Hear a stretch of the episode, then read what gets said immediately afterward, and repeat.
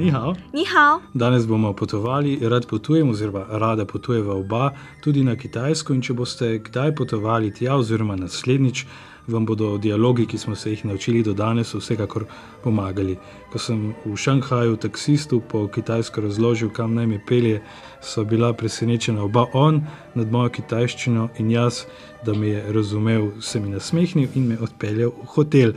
Uh, Linkšan uh, najraje potuje z letalom, uh, kako pa rečem letalo? 飞机，飞机， Fejči. Aha, kako pa rečem, da potujem z letalom?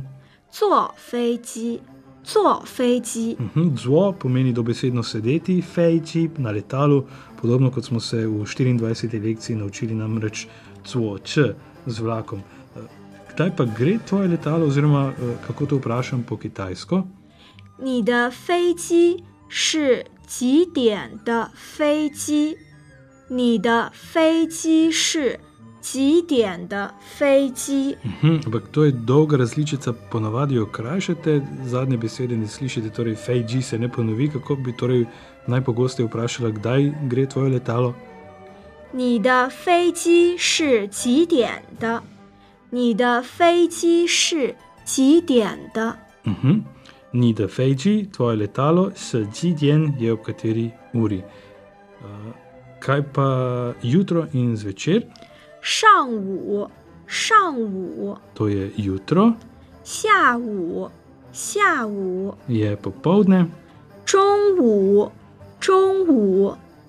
Čong wu pa je opoldne.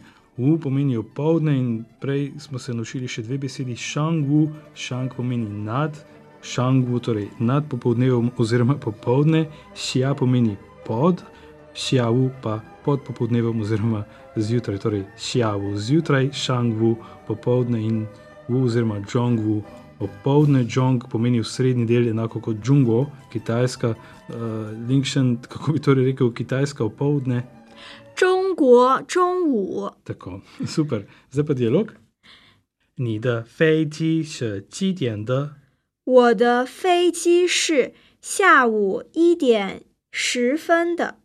你坐飞机去哪里？我坐飞机回中国。林森，谢谢你教我们说汉语。不客气，再见。再见。O, Linkšen, ti dejansko odhajaš na Kitajsko. Uh, skupaj sva pripravila 34 lekcij kitajskega jezika. Želim ti vse lepo in najbrž govorim v imenu vseh, ki so se učili kitajski jezik s tabo. Najlepša hvala, še še. Pukaci. Tako, to sicer ne pomeni konec tečaja, tudi z Linkem še ne bomo izgubili vseh stikov, bodo pa vmes počitnice. Vam vsem hvala za pozornost, več pa na www.kitajka.si. Cajčen! Cajčen!